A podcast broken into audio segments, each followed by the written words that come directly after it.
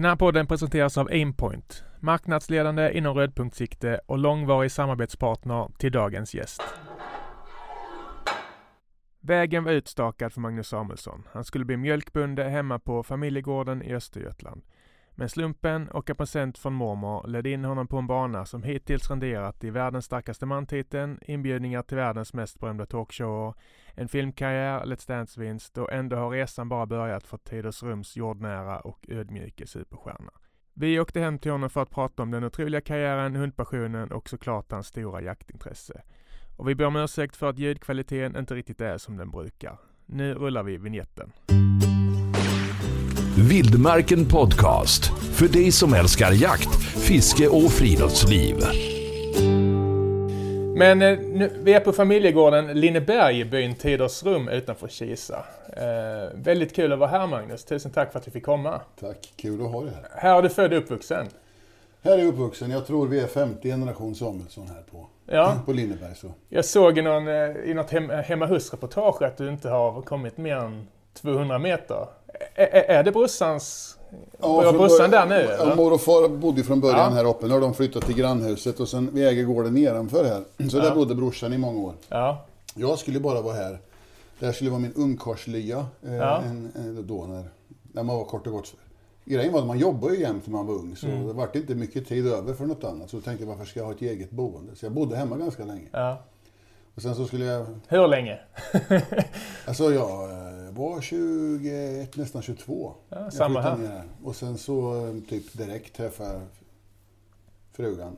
Mm. Och sen så fick vi renovera, bygga och fixa på det här huset allt eftersom. Hade jag vetat att vi skulle vara kvar här, då hade jag gjort allt vid ett tillfälle. Men Ja, ja. det får bli här. Jag Det jättebra. fick bli här, ja. Mm. Det förstår jag. Och precis, här över vägen började du jobba inom, inom jordbruket. Och jag har ju läst i andra intervjuer att det var att vägen var utstakad. Egentligen. Det var lantbrukare du Ja, för bli. mig, för mig har det alltid varit väldigt givet. Jag känner inte alls igen mina egna ungar när de har liksom, ena dagen grävmaskin, andra dagen polis. Liksom. Det, det är Nej. väldigt så här. För mig har det alltid varit glasklart att jag ska bli mjölkbonde i södra Östergötland. Ja, det var klart. Och sen, sen så läste jag att du och din bror eh, fick en skivstång av, av mormor. Han fyllde år, eller hur? Och fick en skivstång. Ja, det, det vart så. Min bror, brorsan och jag, eller brorsan, vi satt och såg Konan Barbaren och sen så började vi prata styrketräning och sen önskade sig Tobbe som fyllde år ganska snart därefter en skivstång. Okej. Så fick han en skivstång och 100 kilo vikter av mormor. Ja, Då var han nog 13, måste ha varit. okej. Och, du, 16. och du märkte ganska snabbt att det var 100 kilo på den. Jag har gjort min läxa. Ja, och det tog du direkt. ja, men, men också ska man komma ihåg att det här är ju en tid innan styrketräning blir populärt. Mm. Det var ju tvärsom, det var allt annat än populärt. Man, man fick liksom försvara sin hobby jämt. Eh, var man stor var man dum i samhället på den tiden. Och är man då lantbrukare och med östgötsdialekt så är man ju eh, riktigt illa däran. Ja. Så, så, eh, så det var inte därför man började, utan det var bara någonting i det som var kul. Och vi höll på med massa idrotter innan, men allt eftersom styrketräningen tog fäste så fick de andra... Ja, du var friidrottare. Sprinter till och med, eller hur? Ja, men det, det blir ju så på mindre orter så man får ju leka med de grejer som finns. Och det finns en skidanläggning en mil bort, så vi åkte mycket skidor. Jag tävlade i slalom och störtlopp. Ja. Och sen så låg det en friidrottsanläggning, så jag körde mycket friidrott. Mm. Tävlade som, som du säger, som sprinter och även... Men, som ungdom så tävlar man ju alla övningar emellan sina kärnövningar. Så man åkte dit för att göra sprintloppen, men han ju med någon lite längdhopp och, och kastade iväg något spjut och lite sådär också. Men, men det var sprint det var. Vad var dina sprinttalanger då? Vad hade du för tider? Det är så länge sedan jag faktiskt eh, glömt bort, men det här var ju under åren fram till man är 13, 14 där. 14 år var nog sista tävlingsåret. Mm. Så jag ska inte säga några tider för mig glömt bort, men jag var väl jag var hyfsat snabb var jag. Och något som jag tyckte var intressant var jag kommer säkert eh, citera fel nu, men, men eh, att, att ni, ni lärde er att det inte fanns några genvägar. Det tänkte jag på när ni började träna sen, för jag, jag vet att du följde, ni följde slaviskt Schwarzeneggers eh, träningsbibel. Ja. Pumping Iron och sånt hade väl släppts, eller hur? Var inte det på typ... Det, är- allt det där går lite hand i hand. För först eh, så började vi träna och då bara körde man planlöst alla övningar som man själv kunde hitta Mm. på. Det här är ju lite före Googles framfart. Så Ja, information. Och gick man ner till Kisa biblioteket så fanns det ingen jättestor eh, hylla för hur man blir stor och stark Nej. heller. Så man, man, man körde. Sen hittade man den där, fick jag den här boken av mamma då. En liten fyrkantig bok av, av Arnold. Vad hette den? Det, det är Bodybuilding for Men by Arnold Schwarzenegger. Ja, ja, ja. Det, Och det var Bibeln. jag tror den boken var något av en bibel för väldigt många i min generation som höll på med styrketräning. Mm. Dels är det en bra bok. Eh, får säga vad man vill om Arnold, men det mesta han har gjort, han har gjort väldigt... En svår, svår eh, resa att slå. Han har gjort det mesta väldigt bra. Mm. Och i, i den där så var det ju så här nybörjarträning längst fram. Eh, liten kille med små vikter. Och sen bläddrade man fram en bit så var det fortsättningsprogram. Lite större kille med lite större vikter. Så bläddrar man förbi allt det där så kommer man ju till Arnolds Mr Olympia-program. Mm. Världens största bodybuilding-tävling. Ja. Stor kille som lyfter jättestora vikter. Mm. Så jag och brorsan räknade snabbt ut att det är enkelt det här. Kör man eh, lilla programmet blir man som lilla killen. Mm. Och kör man det stora programmet blir man som Arnold. Så vi körde alltid Arnolds Mr Olympia-program från den dagen vi fick den. Mm. Går, går det att sammanfatta med några meningar? Vad sa det, det programmet ut? Eller vad var kontentan? Alltså Arnolds, längst bak i boken fanns ju Arnolds Mr Olympia-program. Och det, det är ju träna sex dagar i veckan. Eh, egentligen två och en halv timme per dag. Så vi tänkte att eh, vi börjar där. Så vi körde det där programmet oavkortat de första fem åren. Mm. Fem år, ja. Det är inget man gör på, det är inget man gör på ett halvår. Nej, och sen har vi nog bara korrigerat programmen allt eftersom man märker vilka, vilka saker som fungerar och allt eftersom man lär sig. Det, styrketräning är ju som, jag brukar säga det lite grann, eh, det går inte att trimma en motor i en bil heller om man inte förstår hur en motor fungerar. Nej. Så man gör klokt i att läsa på en hel del. Mm. Så allt, eh, det är så, all framgång måste komma från kunskap. För det tyckte jag, det här har du pratat om så många gånger så det ska vi bara ta i, i förbifarten. Men jag blev väldigt imponerad. Svensk mästare i armbrytning. Mm. Men det vill jag ändå komma in på, för det känns ju väldigt mycket teknik. Är det inte det? Är det en myt? Ja, men grejen var så, vi, vi började bara nöta och träna här och sen så, eh, ingen målsättning med någonting, hade ingen övergripande plan utan vi tyckte det här var Nej. kul. Och vi skulle göra det på våra premisser liksom. Vanlig husmanskost, bara tjura på och träna. Och är man då bonde så är man faktiskt ganska van vid att eh, man, man blir inte belönad över en natt utan, man får, Nej. utan det är fullt naturligt att det tar en stund. Så vi, vi malde på där allt eftersom åren gick så började ryktet spridas över att jag och brorsan var ganska starka och sen så så började det med att vi bröt arm med en grabb här nere i byn som var allmänt känd för att vara, han var starkast i kommun.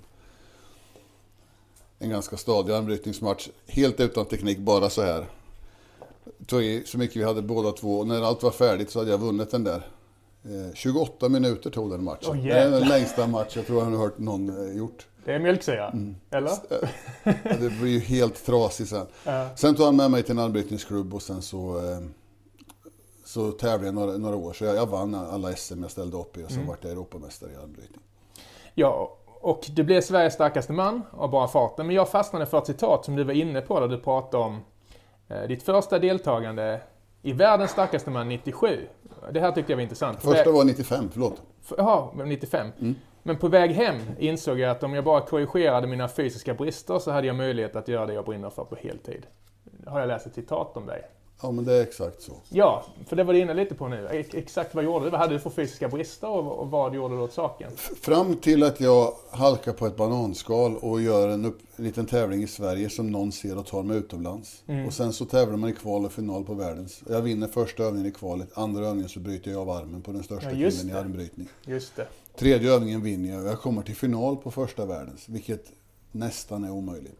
Och sen i finalen så räckte jag inte riktigt till, men jag var ändå inte så jag skämde ut mig. Nej. Sen på vägen hem därifrån så, när man sitter och summerar, vet jag visste ju knappt vad var och varannan övning var när jag åkte dit. Liksom, jag jag kom ungefär med samma utrustning som man gör på en badsemester. Jag Liksom. Eh, När man åkte på slutet hade man med sig två hockeytrunkar med grejer. Ja, Nej, så det jag var, jag tränade ju hemmagjorda grejer uppe i tvättstugan ovanför köket i ett trähus. Så att alla övningar där man måste kasta vikter omkring sig eller det finns en hög risk för att ramla fick man ju vara försiktig. Så jag var kort och gott alldeles för svag i ben och nedre rygg. okej. Men i allt som hade med det här att göra, så liksom arm, framförallt armar och bröst, så, så, så var jag redan där. Mm. Så, eh, samtidigt är det så att om du verkligen vet vart du ska, vad verkligen, om du verkligen vet vad syftet är, då är allting mycket lättare. För då är det bara liksom analysera vad som krävas för det här ska bli verklighet. Mm. Så sen var bara hem, lägga om kosten för att gå upp i vikt och börja köra en himla massa ben och marklyft. Mm. Han du med något annat i ditt liv då?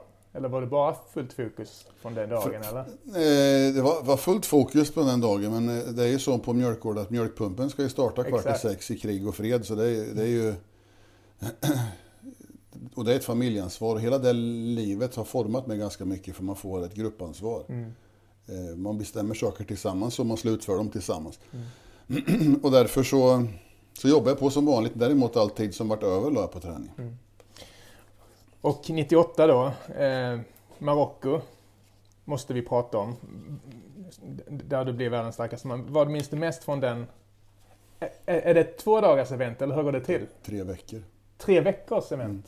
Oj, okej. Okay. världens är tre veckor, de andra är i regel en helg. Men just världens då, den största delen är tre veckor. Okej. Okay. Sen är det ganska fysiskt, mentalt också, ja, det förstår jag. tröttande.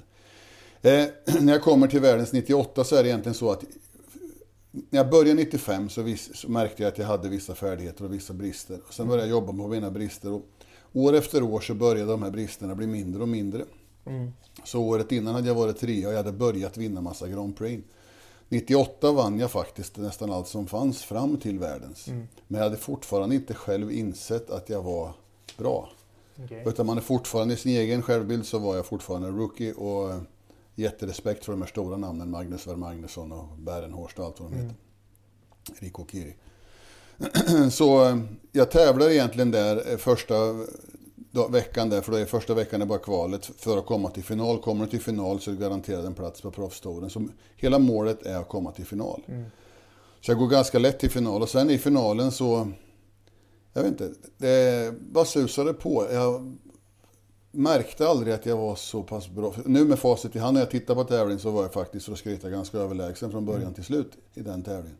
Men det märkte jag nog aldrig själv förrän det var bara någon, några övningar kvar. Och då, det är också en sak jag lärt mig mycket av skytte, det har jag haft mycket nytta av i all annan idrott. Man ska fokusera på målet. Mm. Inte på så mycket annat, utan bara titta på målet. Eh, så därför så brukar jag försöka fokusera på det jag har för händer, inte det som ska ske om, om en timme. Mm. Eller det som nyss hände. Det har gynnat dig på många sätt. Ja, det har gjort. Ja. Så jag håller på sådär, men sen lika fullt så är det ju så när det är tre övningar kvar, jag sitter och man gör ett så snabbt överslag och börjar inse att shit, jag håller på att vinna världens. Det finns, vill mycket till att någon ska komma ikapp. Så, så blir man ju lite skärrad och nervös, för det är en sits jag inte, jag har inte ens tänkt tanken eh, vinna då. Hur stort är det? Alltså rent eh, internationellt. Så världens starkaste man var då och är väl egentligen fortfarande världens största kraftsport. Mm.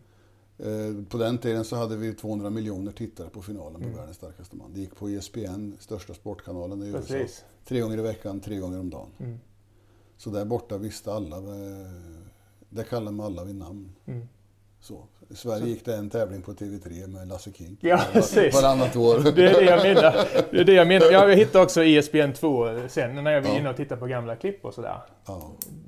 Och sen så gjorde B vi... Borde vi lyfta dig mer? Eller särskilt i, i Sverige på den tiden? Vi borde göra en större grej av det. Nej, jag, jag, jag, jag kan Vi får skämmas. Nej, det vet jag inte. Däremot kan jag tycka det är så här i viss mån än, men framförallt förr så, så säger idrott, det är Riksidrottsförbundet. Ja. Eh, men det är, ganska, det är ganska dumt att säga när det finns massvis med idrotter som är gigantiskt stora som inte finns med i Riksidrottsförbundet. Mm. Och då ganska sakta men säkert så får de vara med. Mm. Jag brukar säga det, jag var med på Idrottsgalan eh, typ två gånger. Ena gången delade jag ut hederspris och den andra gången var jag då var jag för aldrig bjuden, så det har ingen hört av sig varken före eller efter. Det, det är ungefär den statusen eh, kraftsport har haft. Mm. Utan det ska vara det som alltid har varit. Men det, och jag bekymrar mig inte. För mig var det egentligen ganska skönt att det var lugnt och skönt hemma. Ja. Men det var, det var den enda kraftsport jag egentligen kunde leva på för. Mm.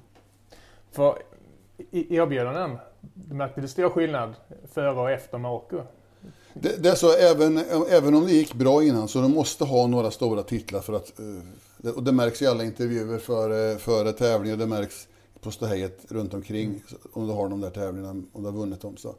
För då hade jag några år man var faktiskt bjuden på Alla de där, Jay Leno och Oprah, alla Ja. de där. Ja. Tackar du nej? Har du varit där? Jag tackar nej till samtliga faktiskt. Det är, ja, det är så. Mm. David Letterman och Jay Leno. och- David, David kommer jag inte ihåg, men Jay Leno kommer jag ihåg för då hade jag en tävling i Finland. För jag vet min agent eller, som hade fixat det där, han tyckte jag var helt dum som inte åkte. Men jag sa ett löfte, ett löfte. Jag är ganska noga med det här. Saker jag lovat försöker jag alltid hålla. Ja. Och eh, det har jag förlorat mycket pengar på genom livet, men det har fått mig att må bra som människa. Jag tycker, nu hade jag lovat det, de hade annonserat att jag skulle komma och sen på några veckors varsel så ville man så åka till, till Kalifornien, men det var inte Okej, så. så det var andra sa- saker som satte Ja. stopp för det? Oprah Winfrey var samma sak, då hörde, hörde de av så det var det. De, skulle, de ville spela in det där, kommer jag ihåg, några veckor före världen. Så. Mm. Man sagt man ska ha ögonen på målet, så jag tänkte, Snyggt. åker jag dit så kommer man bli sämre idrottsman, så jag åkte inte dit. Nej, imponerande. Ännu mer imponerande att vi fick komma idag. Nej men alltså det, det- här är en, en, en period. Det här, dels så var det här min, min passion, det var det jag tyckte var kul. Jag hade alla möjliga er- erbjudanden för, för ett NFL-lag som defensive line, men alla möjliga dumheter. Det har varit massa sådana här saker. Men jag, jag har gjort det jag tyckte var kul och det jag, det jag stod upp för. Mm. Det jag brann för. Och sen så...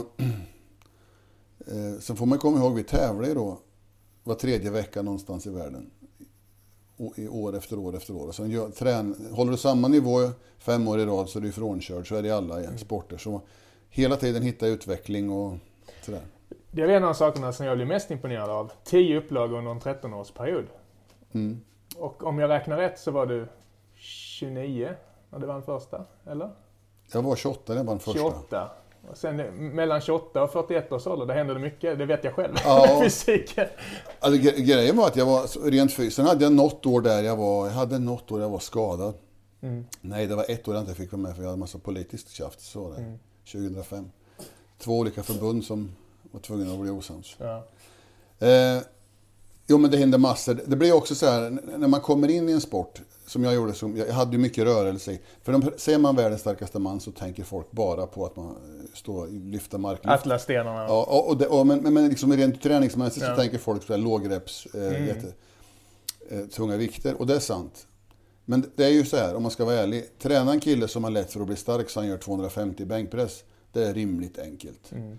Träna en kille som har lätt för att löpa så han löper en mil på 40 minuter. Det är också rimligt enkelt. Men träna en kille som gör 250 bänk och löper en mil på 40 minuter. Det är jävligt svårt. Eh, och det handlar strongman om. Mm.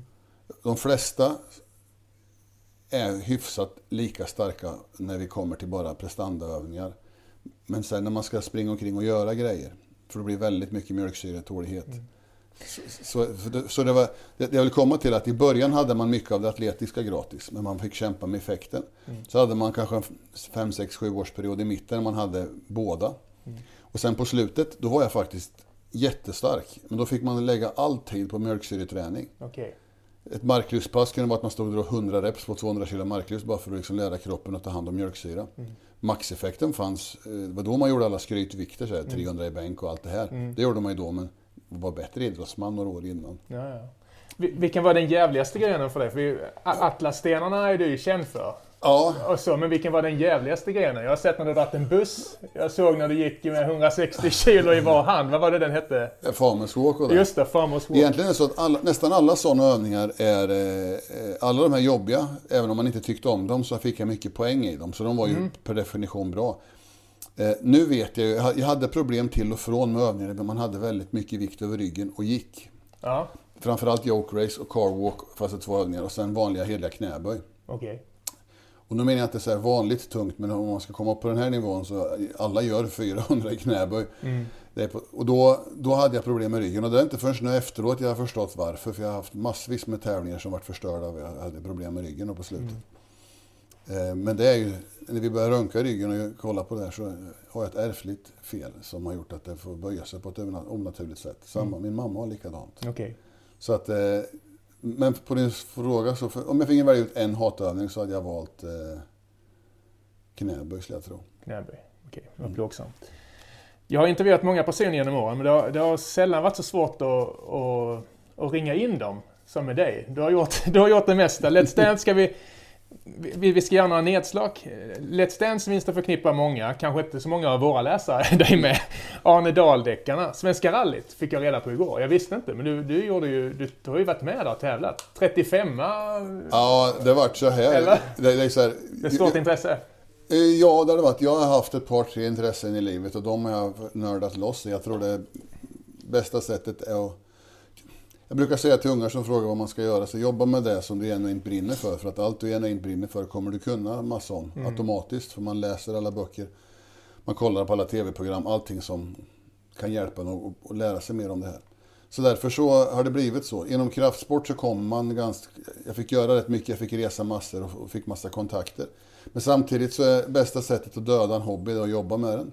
Ja. Och då behöver man ha en ny hobby och då började vi köra mer och mer biltävlingar. Vilket jag tyckte var roligt för det är två sidor av det. Dels att köra bilen och sen bygga bilen.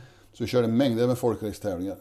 Jag vet inte hur många, men jag, jag och brorsan och vi var ett gäng här som åkte. Och det var himla kul. Sen så började vi bli av med, det blir ju så, när det går för bra så kommer de och köper bilarna hela tiden. Okej. Så vi, jag och brorsan, jag tror det stod tio bilar där ute. För man visste en tävling i varje så är de borta. Så började vi köra rally. Och där någonstans eh, så sprang jag ihop med, med, med några grabbar som höll på och körde fyrhjulsdrivet och vi åkte ju Volvo jämt. Och då så fick jag chansen att köra där uppe. Enda, och jag hoppas jag får chansen igen, det som förstörde hela tävlingen, är, eh, för det var perfekta förutsättningar, jättemycket snö, iskallt, bra bil. Jättelätt körd bil. Det var bara det att jag var så illa sjuk. Eh, Det fanns ju influenser även före covid. Det det. Men jag, jag lyckades, och jag blev sällan sjuk, men då hade jag en sådär, så här, 40 graders feber, lite lagom yr och man blir trött och dum. Och framförallt då när det är en känslosport, man måste ju ändå känna när, när det är lagom. Så, så jag gjorde några fatala misstag och åkte av ordentligt på ett par ställen. Okej. Det är ju så mycket snö så inget gick ju sönder, men det tog en evighet att komma ut igen. Ja. Så slutet på första sträckan så gick jag av ordentligt. För om, annars så hade jag nog ett hyfsat tempo i bilen. Eh, Men sen är det, har du gjort några sådana där blundrar så måste man ju se till att man inte är i vägen för någon annan så man får lugnt och fint eh, inrikta sig på att liksom slutföra och, och försöka hjälpa Svenska rallyt att få bra publicitet. Istället för att vara i vägen och stå, stå där. Och, Nej, om, om det stämde så tror jag det kom 35 av 55 startande. Så det Ja, det, det, men det, det kunde ha gått betydligt fortare. jo, jo, jag så, för det. det, det, det blir så. Det är en elak sport om du står still i 10 minuter. Är det. Jag förstår det. Jag förstår. Vi åkte av rätt hårt vid ett ställe. Eller, det är lite roligt för, för att jag var så trött i huvudet så jag hörde inte noter längre. Så jag såg bara att jag kom över ett krön och så var det spikrakt. Jag såg hur träden delade sig. Så jag bara klickade in femman över krönet och så var ett vägbyte nedanför. Och så här! Tur det- gick vägen. Ett, ett annat nedslag jag tänkte göra, enligt mig en av de bästa reklamfilmerna, Risifrutti-reklamen. Jag tycker den är otroligt bra. Vad minns du från den? Ja, men det är lite, var lite roligt för, eh, för de ringde gång på gång och ville göra det där. Ja. Jag sa, jag kan på riktigt, eh, liksom, jag vill inte riktigt stopp för produkten. Jag tänker inte stå och säga så köp det här, det här, det här Nej, är bra nej. grejer. Så, för det är det inte. Nej. Så, nej för fan, det visste de också att det inte var så. Att, det var inga konstigheter. Ja, det är mycket socker kort och gott. Ja. Och eh, inget illa för övrigt. Och då så, eh, men, men eh, att, man, att man kan säga att det är liksom en, en, en, en god en god gärning. ja. en, liksom var- en, en, ja, men en god grej, men går inte att stå och säga att det jag var rädd för att man skulle, att man skulle göra en reklam så här, ät det här så blir du stor och stark. Nej, nej. Det gör du inte. Nej, men men eh, så, så presenterar de det där förslaget och gör det på så alltså, absolut, det där köper jag. Det Ja, men det som jag tyckte var fint var, om, om eh, lyssnarna inte minns, så var det ju en, en ung kille som, vinner en he, som vann en hel dag med dig. Ja. Och där kommer ett moppegäng och börjar mucka med den här unge killen och frågar om han vill ha stryk. Och då kliver du in. Och sen så hänger ni och du dansar för honom och du... så, man ska kunna vinna, de har ju en tävling där man ska kunna vinna en dag med mig. ja. Och sen så eh, vad gjorde vi så att man, när man ska filma det här så gör man ju en parodi på sig själv där man lite grann förstärker allas fördomar. Man bara, Såklart. bara går omkring här jobbig, pratar om sig själv och visar för allt och alla hur stark man är hela Ja. tiden. Eh, Och sen i det här fallet dansa då konstant för då hade vi ju också precis slutat göra Let's Dance. Ja. Så, så det vart faktiskt ganska komiskt. Ja, nej men det var, det var fint och liksom slog hål på många fördomar och du, ja, jag tyckte den var minnesvärd. Ett annat sånt där gåshudsögonblick jag fick faktiskt, det var Fångarna på fortet. när du kom in i den där cellen och du ska upp ett svärd och en slags huggkubb Ja. och hugga av en Det tross eller något. Minns du det? det var Ja, jag, vet, jag kan till 14 sekunder tog det. De andra stod bara och skrattade utanför cellen. Ja, men till saken är att jag, för jag kommer ihåg exakt när det här är, för det här var sista gången TV4 gjorde det här. Mm. Sen gick det över till TV3, det visste man inte då. Men, och då hade man själv suttit och sett det där i, i många år och sett eh, en och annan misslyckas och sådär. ja. Och jag skulle egentligen vara tävla. Jag skulle börja, det hade precis börjat gå bra i tävlingskarriären. För det är 97 det här. 97 ja. Och jag skulle till Holland och tävla så jag var inte så himla jättesugen på att göra något innan tävlingen. Men sen i alla fall så hamnade jag där, men jag var så ung och arg. Och så när jag springer in och ska göra det där så hade jag förväntat mig att... För de kan ju... Jag vet att de kommer dra på allting så det blir så tungt det bara går. För allting är lite justerbart på De farten. anpassar lite Mm. efter deltagarna. Ja. Så jag vet att allting stod på max. Och när du ska lyfta något riktigt tungt, då liksom, tar du tag i vikten så trycker du fram knän, spänner core och allting och sen så ska du liksom trycka ifrån. Så medan jag håller på att liksom förbereder kroppen på att börja ta i, då bara lossnar ju svärdet. och då har man ju så mycket adrenalin kvar för man har liksom byggt för det där jättelyftet som aldrig varit av. Så, så då fick man ju lägga det på, på slå istället. ja, precis. Så det Ett var, slag. Ja, så det var ju nästan, vet man nästan full med adrenalin som man var när man var yngre. Då var ju allting bara dimmigt så här. Så det är inget väger Ja, men det är, någonting. så, det, är så, det är så overkligt ut. Ser ut som en vuxen man inne på Leos Lekland eller något. Vi ska alldeles strax komma in på, på jakten såklart. Men jag måste... En sak till som jag inte visste. Jag tyckte det var väldigt roligt. Eh, Du tackade nej till Gladiator. Mm. Och så läste jag en annan skämtsam kommentar som du sa om att du sparar dig till Göta kanal 3. Det var väldigt roligt sagt. Ja, kan, men- kan du berätta lite? Nej men det är så här, jag har fått massa frågor om det. Ja. det är, eh, Jag förstår det. när det här sker så är det ju i en, en tid när jag är re- regerande världsmästare och man börjar märka ett mönster att en det ena en det andra ringer till mig och vill att jag ska... Mm. Eh, man gör så här stora superinförsäljningen och sen när man trattar ner allting till nedersta raden så ska det mynna ut i att det är bra för mig att vara med här. Och eh, gärna billigt, allra helst gratis. Och jag var ganska förmäten. Jag har varit fart världen runt, precis kommit hem när den här personen ringer. Och mycket riktigt, så jättestor införsäljning, världsfilm, jättestora den. Men i ärlighetens namn, har någon någonsin ringt till någon och sagt så här, jag jobbar med en ganska medioker filmproduktion som förmodligen ingen kommer se. Och jag undrar om du, utan så han håller på med det och sen avslutar han med att säga att vi ska filma tre månader i Marocko. Jag bara tänkte, jag precis kom hem från Ja, Marocko. precis. Det är inget bra där. Tre tuffa veckor. Det, det är dålig mat. Det, liksom, det jag hade varit i Marocko var ingen höjdare. Så jag säger, men då, då är det bra för mig. Ja. Så han blir precis tyst. Och sen så... eh, Ja, det blir så. Så, slutar det så ringer han tillbaka efter någon vecka och frågar om jag ändrat mig. Det hade jag inte. Nej. Men det var lite onödigt för, som sagt, The Gladiator är ju förmodligen en av de största filmerna i modern Den gick tid. okej. Inget fel på Göta kanal 3 heller. Nej, men sen så, så, så vart det ju så att många år senare så började man jobba med film. Det vart Ja. ju lite sådär. Och sen idag så är ju är det en del av det jag gör. Jag jobbar med mitt egna projekt, ett bolag som jag startat upp. Jobbar med kost och friskvård annars så. Och sen är det marknadsföringsuppdrag. Men rätt mycket sista fem åren har jag varit utomlands på film. Trivs du i den rollen? Ja, det gör jag. Det, på den tiden världen var normal så man kunde resa mellan olika länder så var det ett jättebra jobb. Då kunde man liksom åka iväg och pendla emellan. Och det var, Europa är inte så stort. Eh, så jag, jag tycker det är kul att jobba med film och kan man då kombinera det med vanligt affärsliv så får man ju båda världar. Lite kreativitet och lite... Nu, nu aktuell i nya säsongen av Gåsmamman. Vi pratade om det lite på vägen hit jag Staffan. Jag har inte börjat se den. Men du, du spelar lite du, gymägare med lite shady business eller vad var det som... Ja, har du, berätta om din roll. Nej men det blir ju så, eh, vad ska jag säga, allt eftersom jag har blivit äldre så har jag sett ett mönster. Får erbjudanden. Ja, alltså, utom, eller säger så här, utomlands har jag varit med i Sista kungadömet och jag har varit med i en del filmer där man springer omkring och, och slåss med svärd. Mm. Eh, då får jag ofta vara hjältens kompis, Okej. Ja. lite åt det hållet. ja. Eh, så man blir... Den biffiga sidekicken. Ja, vilket är, men det var, det var ett himla roliga år. Eh, I Sverige har jag inte gjort någonting ända sedan Arne Dahl. Det är snart, Nej. vi gjorde säsong två av Arne Dahl 2014, 15 tror jag för mig. Så det är länge sedan jag gjorde någonting här. Så det, det har varit jättekul och eh, jag tycker Gåsmamman, jag har inte sett det förrän jag har varit erbjuden så jag har sett Okej. ikapp. Jag tycker det är en bra serie. Ja, verkligen. Roligt att vara med och eh, jag spelar en person som ligger ganska långt ifrån mig själv den här gången. Ja, Det ska bli kul att se. Jag ska se det när vi kommer hem faktiskt. Vi, vi måste komma in på jakten nu. Motorintresset nämnde vi. Mm. Och eh, jakten är ett annan, har varit en annan källa till avkoppling. Visst är det så? Du pratade om att det kom väldigt naturligt för dig.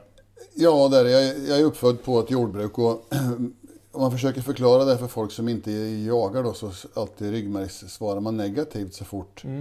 Allmänt om allting man inte har kunskap om då. Men det är ändå så, man är uppväxt på en gård där man ena dagen får vara med mamma och dra upp ut en, en kalv och nästa dag stå med veterinären och avliva ett djur. Så, så lär man sig att det, livet består av yin och yang.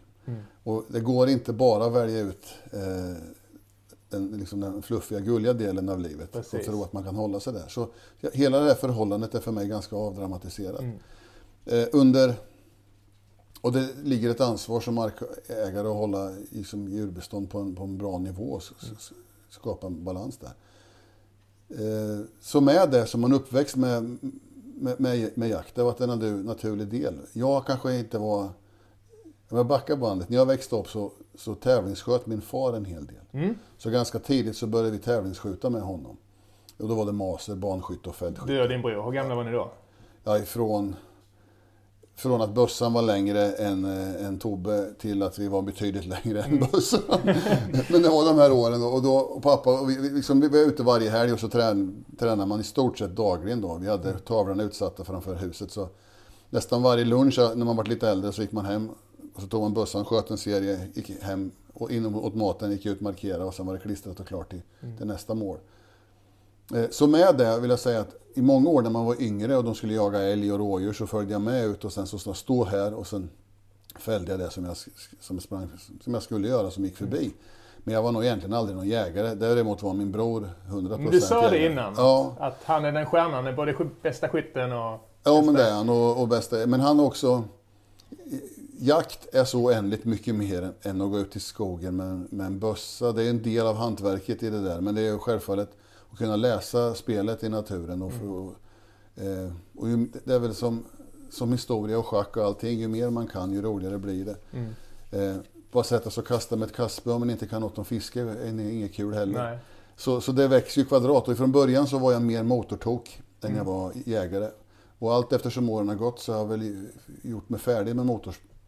Inte lika mycket motorsport i alla fall idag. Och lägger all fritid på, Mm. på bara att vara i skogen. Och. Men just det här, hur har ditt förhållande till jakten sett ut under en tidslinje? Liksom? Har du under de här allra stressigaste perioderna och så vidare, har det gått mer till jakten då för en avkoppling eller hur, hur har du? Jag har alltid, jag har alltid varit med, i, man får, i många år när jag var ute och tävlade då var jag väldigt lite hemma. Men så fort Mm. jag var hemma så jag, så jag har varit med. Det är som du säger, en, en bra ventil för att bara få lugna ner sig. Och framförallt få umgås med, det är ett av få ställen man kan umgås liksom ett par, tre generationer samtidigt. Mm. Eh, under de här åren har det också förändrats en hel del i naturlivet som också gör varför vi lägger mycket mer tid på jakt allmänt nu än vi gjorde förr. Vi hade inte vildsvin till när jag växte upp. Nej. Och någonstans därifrån till att ha jättemycket vildsvin som vi har haft de sista 10-15 åren. Eh, och med det så följer ett helt annat mönster i jakt. Eh, Andra hundar, annat skytteteknik, eh, egentligen annan vapengarderob. Mm. Och det har också gjort, tycker jag, jakten intressantare. För annars har det varit så här, ja nu har vi tre månader här, vi ska, det blir så isolerat och sen så ska man ställa in allting. Eh, nu rullar det på nästan året runt. Och vi har hundar som springer här runt benen, jättefina. Ja. Berätta om den interaktionen med, med dina hundar. För ni är ute en del. Var, du berättade att det var en som följer dig. Ja, jag, I jag, hasorna. jag vet inte, jag, jag, jag är ju... Och det vill jag förtydliga för alla som lyssnar. Jag har jobbat med djur och natur jämt, för jag gillar djur och natur. Eh, jag är en väldig djur, djurvän. Och just hundar har jag alltid haft en väldig passion för. Mm. Så här på gården så har vi alltid haft någon sällskapshund så där största allmänhet som lullar omkring, håller ordning på alla. Mm. Och sen eh, brorsan har lajker och jag och jagar med. Pappa har drevrar.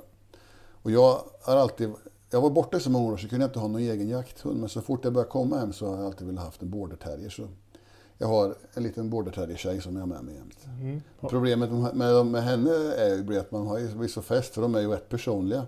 Så de är med precis jämt. Så man är, får bara vara på de här områdena där absolut längst från en väg. Ja, ja. med bra pejl och hela kalaset. Ja. Men det verkar inte så lovande eller, hunden? Det var lite Jag hade min förra, det. Min förra terrier hade varit jätteduktig och, och eh, gjorde liksom allting rätt av från början. Ja, ja. Eh, hon vart ju dessvärre ihjälkörd ganska snart. Mm. Eh, smet ut här ut trädgården en dag. Mm.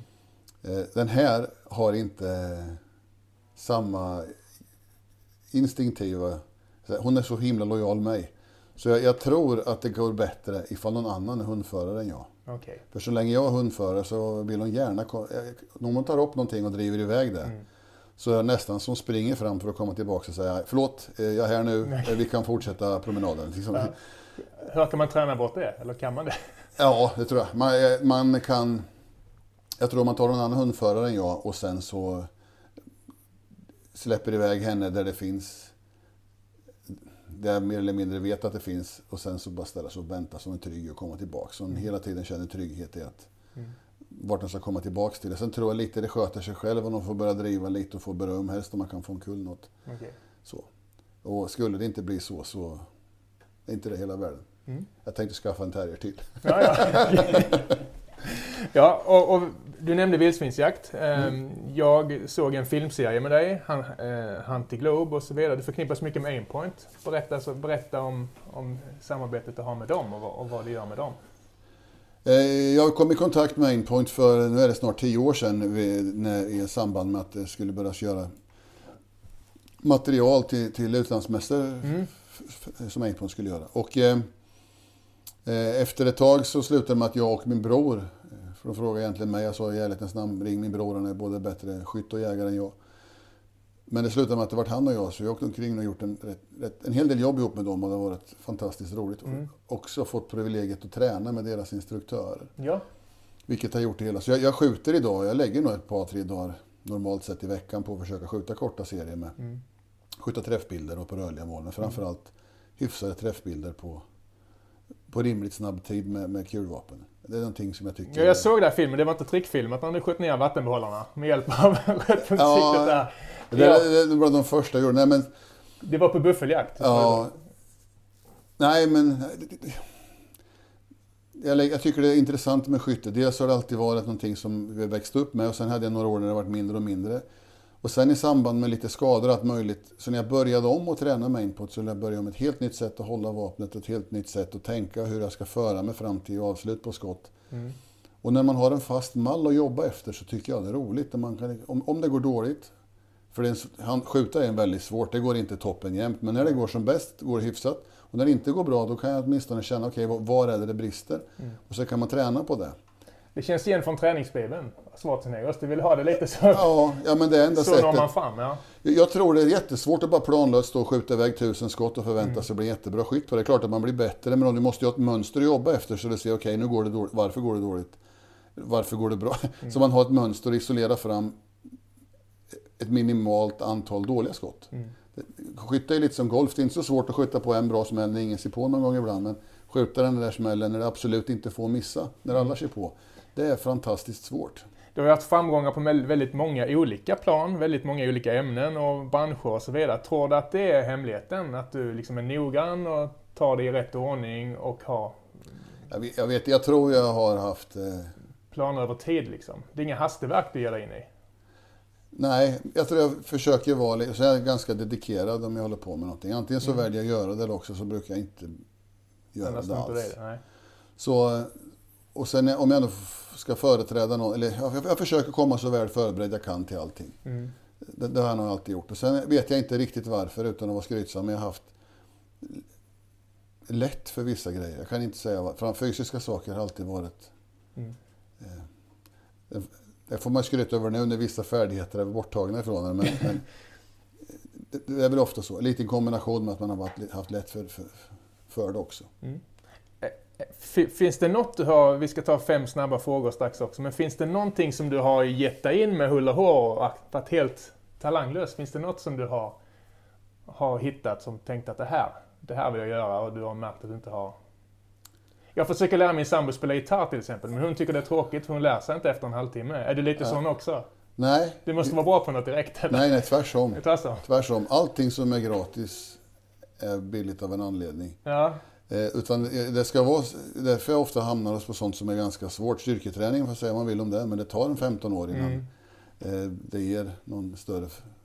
Det är så en lång kurva. Ja. Och samma sak med alla de här sporterna som egentligen blir stora. Golf, tennis.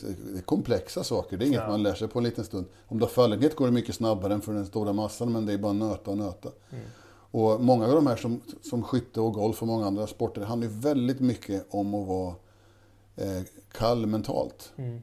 Och det tror jag idrott allmänt har lärt mig, som jag haft nytta av i vad jag gjort, att man blir bättre och bättre på att hantera saker under press. Mm. Eh, för det är väl det svåraste. Att tänka rätt när det är lite svårt. A- Entreprenören i dig, för det måste man ju ändå säga att du är. Drar du nytta av det där också? Eh, både ja och nej. Jag tror jag varit... Det är jättesvårt. Man träffar ju människor som har gjort oändligt mycket bättre affärer än jag har gjort. Men det, det handlar ju om... Dels så måste man ju skapa jobb. Speciellt alla de här åren när man är på med idrott och innan man fick så mycket framgång så det skötte sig den vägen. Mm. Men då måste man ju skapa events för det är ju ingen som kommer ringa och fråga. Nej. Eh, Och allt eftersom som tiden går. Det handlar väl om en mix av att vara lite så impulsiv och någonstans landade. I början startar man tio projekt och ett bar sig. Mm. Kanske idag man drar igång lite färre men att procenten på, på att lyckas är mycket högre. Ehm. Men det är, eh, man måste försöka se möjligheter och lite grann tro på det man gör. Jag skulle vilja att vi pratar om... ehm, jag, läste på om äventyrsbana. Det ska vi väl gå ut och titta på? Eller ligger det här? Den ligger nere nu egentligen för det är så här, när jag kom hem och Det var förhjulingar. Vi var li... Ja, jag på ja de, det ligger nere. Jag håller på att starta upp det där igen. Det kom ju ett litet virus här och, och förstörde all form av gruppverksamhet. När jag kom hem så slutade jag med en sport där, där jag faktiskt var lite fixstjärna. Det var ganska lätt att vara jag med. Jag hade bra sponsorer och i, och i USA så var det väldigt stahej vart man kom. Mm. Och rätt svar hade ju varit att flytta till USA. Eh, men jag tycker att livet är ju mer än bara kronor och öre. Det är ju här- på gården jag har allt som jag tycker är kul. Så vi åkte hem och sen försökte starta upp ett liv här. Och samtidigt som jag gjorde det så var jag ganska nykter i tanken att det kommer vara 5, 6, 7 månader som jag kan öppna alla dörrar och sen så kommer det bli svårare och svårare. Vilket är helt okej. Jag har haft 15 skitfina år, inget att klaga över. Men nu måste man börja med ett vanligt liv. Och då tänkte jag, så jag startade alla möjliga grejer bara för att se att något vad som skulle tas. Jag köpte in mig i någon kompis bolag, jag startade det där eventföretaget där vi egentligen skulle hantera kickoffer och sånt där. Och sen, eh, du vet, det ena efter det tredje. Och sen jag hade som allra mest att göra så, så ringde de från TV4 och undrade om jag ville vara med och dansa där. Mm. Och det ville jag ju inte. Så att, eh, Nej. men eh, på något vis så slutade det med att jag varit det i alla fall. Eh, Så efter det äventyret som kom där så, så hände ett par, tre, fyra saker som jag inte kunde förutse. Det ena var att, det ena var att det faktiskt gick så bra så, så att vi vann. Jag hade bokat in jobb två veckor efter premiären på det där så jag var ganska säker på att jag skulle vara först ut. Så jag hade inte, men så gick det så, så där. Och sen efter det så fick jag, jag hade 100 mejl om dagen från företag Mm. Som ville att jag skulle komma och göra jippon och sådär. Så vi mjölkade väl ur det sista ur... Jag hade ju massa färdiga kit som hade gjort åt sponsorer och så förut. Så jag åkte land och rike runt och gjorde uppvisningar. Mm. Eh, och sen så åkte jag hem. Så körde vi Svenska rallyt. Och sen så började jag filma in Arne Dahl. Mm.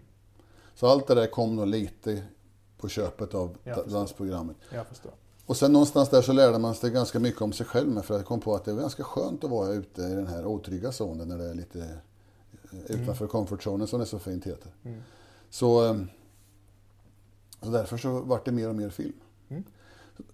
Det, det här var en jättelång utläggning för att säga att med det så tog den här eventverksamheten också fart. Problemet var att vi hade inte tid att riktigt expandera det där så, som vi skulle göra. Så vi har kört jättemånga jobb. Mm. Eh, Men det var dags att investera i mer saker nu och så lagom kom pandemin så vi sätter fart på allting från början. Men vi har kört mycket fyrhjulingar, mycket skytte eh, och mycket så här vanliga fysiska utmaningar. Vi får komma tillbaka en annan gång. Ni får komma i april. ni, kommer, ni kommer att bli kvar, eller hur? Ja, det tror jag. Vi ska avsluta med sista grejen. Fem snabba frågor. Mm. Eh, drömjakt. Drömjakt är... Det är så, vilken fa- favoritsiffra, det är jättesvårt. men, men eh, alltså, drömjakt för mig det är väl egentligen de jakter när det går bra med hundar och gärna man har med sig grabben och liksom familjärt. Hela den biten är, är, eh, är väldigt viktig. Men abs- samtidigt så liksom knalla ut på en bergsrygg i Nya Zeeland eh, glömmer man inte. Nej. Kula och kaliber. Vad använder du?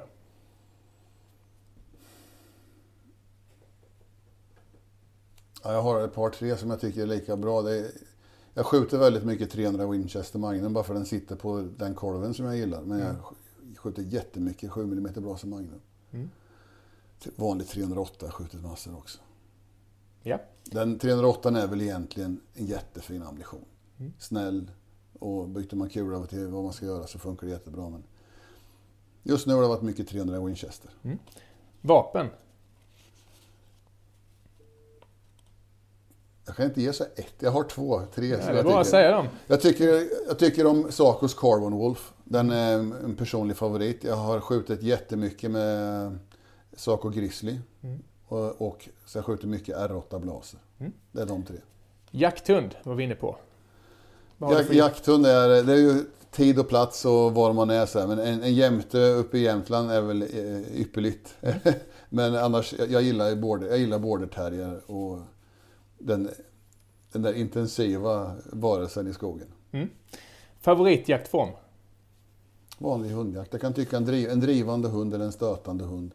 Men, men det är något speciellt ändå med en driv, drever som ligger och knatar efter ett rådjur. Mm. Och imorgon börjar, imorgon börjar det. Ska du ut på något i helgen eller? Eh, Hundjakten? jag ska prata med min bror. Det brukar vi alltid göra. Eh, jag, jag ska kolla lite vad han gör. Men eh, jag, var, sa, jag har varit borta i sex veckor så jag har knappt sett någon här. Men det, det skulle vara väldigt märkligt om vi, inte, om vi inte är ute. Vi är ute och springer om nätterna. Det, det är alltid någonting vi gör. Så att jag skulle vara väldigt förvånad om vi inte gör det den här helgen. Tusen tack Magnus. Det fin- finns anledning att komma tillbaka för ni kommer att vara kvar här gissar jag. Du flyttar inte härifrån eller hur? Nej, inte, Idyllen. mig får de bära härifrån en vacker dag. Jag, sen jag, det är också så, jag har haft förmånen, jag har varit världen runt. Jag tror jag, sist jag räknade efter, tror jag jobbar i 56 länder. Så, så det, men, men det är kanske först när man har gjort det som man inser att den här bygden är väldigt svår att slå. Mm. Eh, Jag tycker det är vackert här, lugnt och skönt och eh, som det är nu med både föräldrar och brorsan och allt runt hörnet så är det en ganska idyllisk verklighet att vara i.